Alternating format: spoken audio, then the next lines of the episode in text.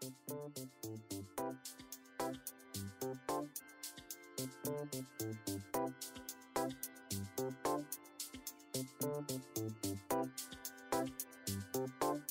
sebuah mitos yang paling sering digunakan oleh orang tua untuk menyuruh anaknya mandi. Jangan mandi malam-malam, ntar kena rematik.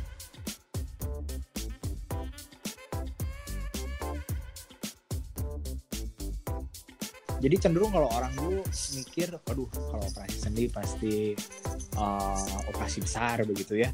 Nah, padahal sekarang ini artroplasti itu kalau dilakukan di negara-negara maju, kemudian sebenarnya di Indonesia pun sudah ada yang bisa melakukan, itu kita sebut minimal invasif malah.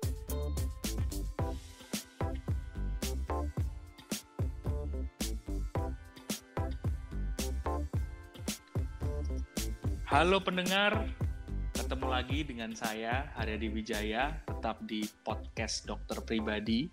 Di sesi kali ini saya tetap ditemani dengan Dokter Hari Pribadi. Halo dok. Halo di. Gimana kabarnya ini? Baik, selalu luar biasa. Hari ini nih kita mau ngomongin apa nih? Hari ini, hari ini ya dok ya. Kalau kemarin di episode atau sesi kedua kita itu kan kita udah sempat ngomongin soal asam urat dan sedikit sedikit nyinggung-nyinggung soal rematik nih. Nah, hari ini kita mau bahas soal osteoartritis, Dok. Sebenarnya nyambung karena ini dokter pernah nyinggung waktu di sesi dua yang kita ngomongin asam urat kemarin itu sih. Oh iya. Nah, Oke. osteoartritis itu kalau balik lagi kalau saya yang awam, saya ngertinya tuh rematik. Sebenarnya osteoartritis itu apa sih? Terus bedanya sama kemarin kalau asam urat gout arthritis dan artritis-artritis lainnya itu? Hmm. Jadi kemarin artritis itu intinya semua penyakit rematik itu kita golongkan di artritis. Nah, salah satu itu kemarin gout arthritis atau asam urat. Ini salah duanya, yaitu osteoartritis. Osteoartritis itu kita sebut uh, dia itu osteo itu artinya tulang, artritis itu uh, sendi, itisnya sendiri ada inflamasi. Jadi osteoartritis itu adalah salah satu bagian dari rematik sendi. Hanya dia ini terkenanya bagian tulang rawan sendi itu. Tulang rawan tuh berarti di persendian kayak lutut, terus kayak kayak biasanya kan orang lutut ya dok ya? Iya, Ah. nah itu. Jadi kalau orang kita sering makan ayam ya, nah itu kan kalau ayam itu ada tulang rawannya atau di sapi tuh ada tulang rawannya yang kita kadang-kadang sebut kikil itu. Nah, ini tuh tulang rawannya yang hilang sehingga nanti antar tulang itu bergesekan itu yang bikin sakit. Oh gitu. Nah itu berarti kalau ngomong menyerang apa namanya tulang rawan tuh bisa nyerang sendi mana aja dok? Karena kalau kalau apa namanya biasanya kan orang artinya rematik yang berhubungan dengan tulangnya kan biasanya lutut, terus lutut sih ya kebanyakan ya. Nah, khusus untuk osteoartritis ini dia kenanya adalah sendi-sendi penyokong tubuh yang dia itu cenderungnya mendapat beban berat. Salah satu yang paling banyak beban berat itu kenanya kan di sendi lutut. Kedua itu ke sendi panggul tuh. Nah, ini ada menarik sih, ada fakta bahwa kalau di orang-orang eh, Amerika itu yang paling sering kenanya itu di sendi eh, panggul. Tapi kalau orang-orang di China itu kenanya lebih sering ke sendi lutut gitu. Dan ini semuanya kita sebut disebutnya sendi-sendi weight bearing joint atau sendi-sendi penyokong berat badan tubuh begitu. Terus kok bisa ada bedanya yang yang orang Asia itu uh, banyak kan kena di lutut, terus orang Amerika kok bisa kena di panggul dok? Nah, ini sampai sekarang penelitiannya memang itu salah satu faktor dari genetiknya sih. Cuman uh, shape bentuk uh, berat badan secara obesitas itu kan juga agak berbeda antara orang Asia dengan orang Amerika. Oh gitu. Nah terus kalau ngomong ini kan sama-sama satu jenis rematik. Kayak kemarin asam urat, gout arthritis itu, sebenarnya juga rematik. Ini osteoartritis itu juga rematik. Beda gejalanya di mana dok antara osteoartritis sama gout arthritis itu? Hmm, kalau osteoartritis ini Dia itu biasa nyerinya tuh kalau orang awam taunya itu ketika biasanya sendinya digerakkan tuh, itu kan bunyi krak krok krak krok. Nah, terus ketika digerakkan tambah sakit biasanya. Contohnya pasiennya misalnya jalan nih, dok saya kok kalau jalan sekitar uh, 2-3 meter gitu udah ngelangkah sakit banget. Sampai harus istirahat dulu begitu. Dan nyerinya ini bertambah gitu saat dia dipakai itu sendinya. Beda dengan uh, gout arthritis atau yang kita sebut kemarin asam urat. Dia kan cenderungnya pagi-pagi muncul tiba-tiba begitu spontan. Dan dia tidak bergantung pada aktivitas. Oh kalau ini karena karena osteoartritis ini menyerang weight bearing joint tadi ketika dipakai gerak dan menyangga beban itu baru dia kerasa sakit ya dok ya? Nah itu karena kan saat dia menyokong berat badan itu sendi itu kan antara tulang dengan tulang itu kan harusnya ada tulang rawan. Nah karena ini tulang rawannya aus istilahnya, jadi antara tulang yang satu dengan tulang yang lain akan bergesekan. Kebayang nggak tuh kayak tulang nyentuh tulang terus bergesekan, aduh linu banget kan? Kebayangin aja linu ya. iya iya betul. Apalagi betul. bunyi krek krek krek nah begitu ibaratnya kayak engsel pintu yang kurang ada olinya terus nah, kayak kriat kriat nah itu jadi nah, sebenarnya struktur sendi sendiri harusnya dia kan ada tulang dengan tulang dilapisin dulu tulang rawan sebagai gespernya kemudian harusnya ada uh, istilahnya kalau di sepeda itu shock breakernya shock breakernya itu adalah kapsul sendi dengan cairan sendi itu kan kayak gel begitu supaya dia uh, kayak shock breaker. Nah, tapi karena oh. ini tulang rawannya itu aus, tulang rawan itu harusnya dia berbarengan dengan cairan sendi itu meredam setiap kali gerakan itu terjadi. Nah ini nggak ada, jadi langsung tulang dengan tulang akan bertabrakan. Kan sakit sekali makanya. Oke, nah kalau gitu nih, sekarang pertanyaannya adalah yang paling menarik ini ketika kita ngomong soal penyebab dok. Karena ini sebuah ini sebuah mitos yang paling sering digunakan oleh orang tua untuk menyuruh anaknya mandi. Jangan mandi malam-malam ntar kena rematik. Itu itu memang maksudnya kalau mandi malam malam-malam bisa bikin orang jadi osteoartritis gitu? Uh, enggak, itu hoax sih. Jadi nggak ada hubungannya. Hanya biasanya kalau orang itu sendinya udah ngilu begitu ya. Kalau dicetuskan oleh udara dingin apalagi mandi pakai air dingin malam-malam itu biasanya udah tua itu tambah ngilu gitu. Tapi tidak ada hubungannya kalau misalnya anak muda terus mandi malam-malam jadi kena osteoartritis itu nggak ada hubungannya. Oh gitu. Terjawab sudah. Nah terus sebenarnya penyebabnya apa dong kalau gitu jadi itu ini sebenarnya dia age related atau ya berhubungan dengan usia yang kedua dia ini mekanismenya disebutnya aus tadi atau dulu tuh disebutnya wear and tear. Jadi ketika kepake tambah sering aus. Nah, yang ketiga karena dia beban yang disokong oleh sendi itu terlalu banyak. Jadi ini kenapa uh, akibatnya biasanya terjadinya pada orang tua yang pertama. Kedua itu pasien-pasien yang obes atau berat badan berlebih. Yang ketiga dia itu terkena sendi-sendi yang uh, menyokong keseluruhan berat badan dan sering digunakan. Begitu. Oke. Berarti kalau gitu osteoartritis ini kan biasanya orang-orang mengkonotasikan dengan penyakitnya orang tua. Tapi ternyata orang muda kalau overweight pun bisa kena dok. Ya, bisa. Jadi makin ke sini angka obesitas itu kalau di Amerika tuh bergeser kan sekarang kalau anak kecil aja udah dengan adanya junk food, obes itu jadi sangat tinggi sekali angkanya. Nah, ternyata orang-orang yang dari kecil itu obes, itu jadi berat badan berlebih, itu cenderung dia angka terkena osteoartritisnya ternyata bergeser dari usia dulu itu di atas 55, 60. Ini bergeser. Sekarang di angka usia 40 sudah mulai ada yang osteoartritis. Saya juga pernah ketemu pasien dia usia baru sekitar 38 tapi dia beratnya itu luar biasa. Dia dari uh, kecil itu sudah uh, lebih dari anak-anak sebayanya. Itu dia di umur 38 dia beratnya 140 kilo kalau nggak salah. itu dia udah mulai sakit tuh sendinya. Nah, setelah kita ronsen ternyata betul dia uh, jarak antar sendinya sudah mulai jadi tipis. Itu menandakan bahwa kemungkinan tulang rawannya itu sudah aus. Oh gitu.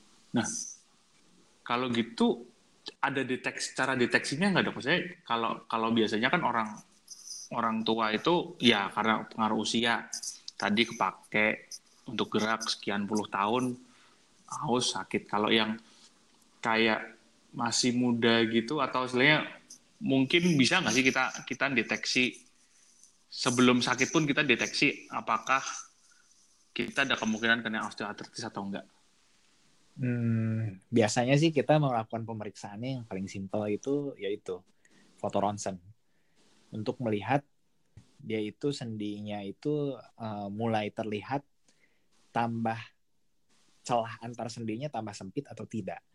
Karena kalau foto ronsen itu kita hanya bisa melihat tulang, tetapi tulang rawan itu sebenarnya tidak terlihat. Jadi harusnya kalau misalnya di antara tulang dengan tulang itu ada tulang rawan, harusnya ada spasi kan?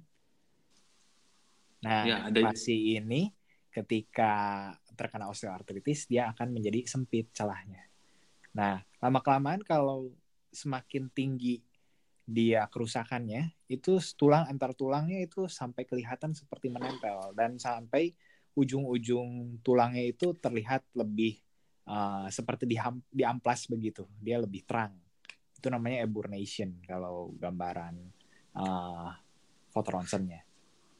Tapi biasanya foto ronsen ini pun tidak kita lakukan kalau misalnya memang tidak ada gejala. Karena biasanya osteoartritis itu uh, pasien datang karena sudah ada gejala. Jarang kan kalau misalnya orang karena banyak juga ya anak uh, orang muda itu bunyi sendinya tapi tidak sakit. Itu berbeda dengan osteoartritis. Kalau osteoartritis pasti sudah sakit. Oh, dikatakan osteoartritis itu karena memang udah ada gejala, udah kerasa sakitnya berarti kalau gitu iya, ya. betul. Nah, yang tadi dokter bilang osteoartritis ini kan adalah keausan atau uh, apa ya mungkin pengurangan lapisan lapisan penahan lah kalau kalau ibaratnya saya orang awam itu. Ya tulang rawannya. Tulang tulang rawannya. Nah kalau gitu ada pengobatannya nggak dok? Saya pengobatan yang apa sih yang bisa kita lakuin sebenarnya ketika memang oh sudah terkena osteoartritis, memang ini lapisannya sudah sangat sangat tipis dan sudah saya pada titik tahap yang rawan lah atau atau nggak rawan pun sebenarnya kalau sudah mulai ada gejala osteoartritis itu pengobatannya atau selainnya eh, cara-cara untuk menanggulangi menanggulanginya gimana sih dok? Jadi hmm, perlu kita ketahui bahwa tulang rawan itu suatu jaringan yang dia itu avaskuler atau kita sebut dia nggak ada pembuluh darahnya. Jadi sebetulnya yang ngasih makan tulang rawan ini adalah cairan sendi. Yang di situ dia ada asam hyaluronat, proteoglikan, itu salah satu sumber makanan buat tulang rawan begitu. Nah, tetapi dengan seiring pertambahan usia, si uh, cairan sendi ini yang fungsinya untuk kasih makan itu dia akan berkurang karena semua produk uh, tubuh kita juga otomatis akan berkurang kan. Nah, saat uh, cairan sendi ini berkurang, tulang rawan itu istilahnya tidak dapat makanan yang cukup sehingga dia ketika ada uh, trauma atau benturan, dia sulit untuk memulihkan diri. Akhirnya dia banyak sel-sel tulang rawan yang mati, akhirnya dia mati. Jadi aus tadi tulang rawannya. Nah, jadi sekarang itu memang uh, prosesnya kita itu sedang mencari bagaimana cara mengembalikan tulang rawan ini untuk dia bisa kembali terbentuk. Tapi sulit sekali karena tadi kan dia tidak dialiri oleh pembuluh darah. Jadi untuk obat itu sampai ke sana tuh susah sekali. Yang pertama itu. Yang kedua itu ada beberapa produk yang dulu tuh menjadi dambaan, yaitu glukosamin. Glukosamin ini dipercaya bahwa dia itu akan menutrisi tulang rawan. Jadi para ilmuwan itu dia itu mencari cara bagaimana caranya untuk mengembalikan tulang rawan tadi. Salah satunya dia berpikir bahwa bagaimana kalau kita berikan obat namanya glukosamin. Dulu ini menjadi idola karena dipercaya bahwa glukosamin ini ketika dia diserap oleh tubuh, dia bisa sampai ke tulang rawan tadi untuk membentuk tulang rawan baru untuk kasih makan. Nah, tulang rawan yang udah rusak tadi. Dan supaya bisa dibentuk tulang rawan-tulang rawan baru. Tetapi ternyata uh, ada penelitian bahwa glukosamin ini sangat kecil sekali jumlahnya konsentrasinya untuk mencapai cairan sendi tadi karena dia tidak dialiri oleh pembuluh darah. Sedangkan obat itu kan kalau mau masuk ke dalam tubuh harus lewat pembuluh darah. Nah, akhirnya uh, makin ke sini, oh kita suntik saja cairan sendi baru. Itu namanya suntikan yang langsung dia dimasukkan ke dalam celah sendi. Itu disebutnya suntik oli lah kalau misalnya orang awan biasanya bilang. Itu sebenarnya yang disuntik asam hyaluronat. Nah, tapi ternyata itu pun tidak berhasil menumbuhkan tulang rawan. Jadi sampai sekarang ini masih usaha untuk mengembalikan tulang rawan dinilai tidak begitu berhasil. Jadi biasanya pasiennya kita beri uh, anti sakit saja supaya dia tetap bisa beraktivitas seperti biasa, kualitas hidupnya uh, masih baik sampai di suatu saat itu uh, sudah terjadi kerusakan yang betul-betul, akhirnya ya tinggal satu pilihannya, yaitu artroplasti atau kita ganti sendinya dengan prostetik seperti itu, ada metal dan lain-lain. Oh, berarti saya yang ada sekarang pengobatan yang ada sekarang tindakan dilakukan dokter sekarang itu mostly hanya untuk mengurangi rasa sakit supaya orang ini bisa tetap beraktivitas sambil dijaga ya, atau pilihan terakhirnya adalah operasi hmm. berarti itu. Operasi kan itu berarti oke berarti kalau operasi gitu misalnya ngomong sendi lutut gitu berarti diganti ya, di, lututnya jadi, gitu gimana? Kan tulang itu panjang ya. Nah, tapi antara tulang dengan tulang itu kan ada ujung tulangnya. Nah, ujung tulangnya itu dipotong, dimasukkan uh, skrup yang seperti celah uh, seperti sendi baru, itu kemudian dibikin suatu uh, sendi baru yang ada jaraknya tentu. Oh. Oke, oke, oke, oke. Nah, tadi kalau yang uh, sebelum operasi tadi kan berarti medicationnya untuk mengurangi rasa sakit supaya penderita bisa tetap bisa beraktivitas. Nah pertanyaannya nih, saya pernah dengar sih case ada teman juga yang dia waktu kecilnya atau waktu mudanya itu aktivitas fisiknya dia sangat sangat aktif lah, sangat berat mungkin bisa dikatakan itu sampai istilahnya dia mengalami penipisan itu, penipisan tulang tulang rawan atau di daerah sendi. Nah, untuk orang-orang yang sudah mengalami hal seperti ini, ada nggak aktivitas fisik atau olahraga yang mereka tetap bisa lakukan? Karena karena kalau kalau logika saya nih, logika saya sudah mengalami penipisan, berarti bebannya harus tidak tidak boleh berat kan berarti berarti dia harus menjaga ya. menjaga berat badannya dia juga kan.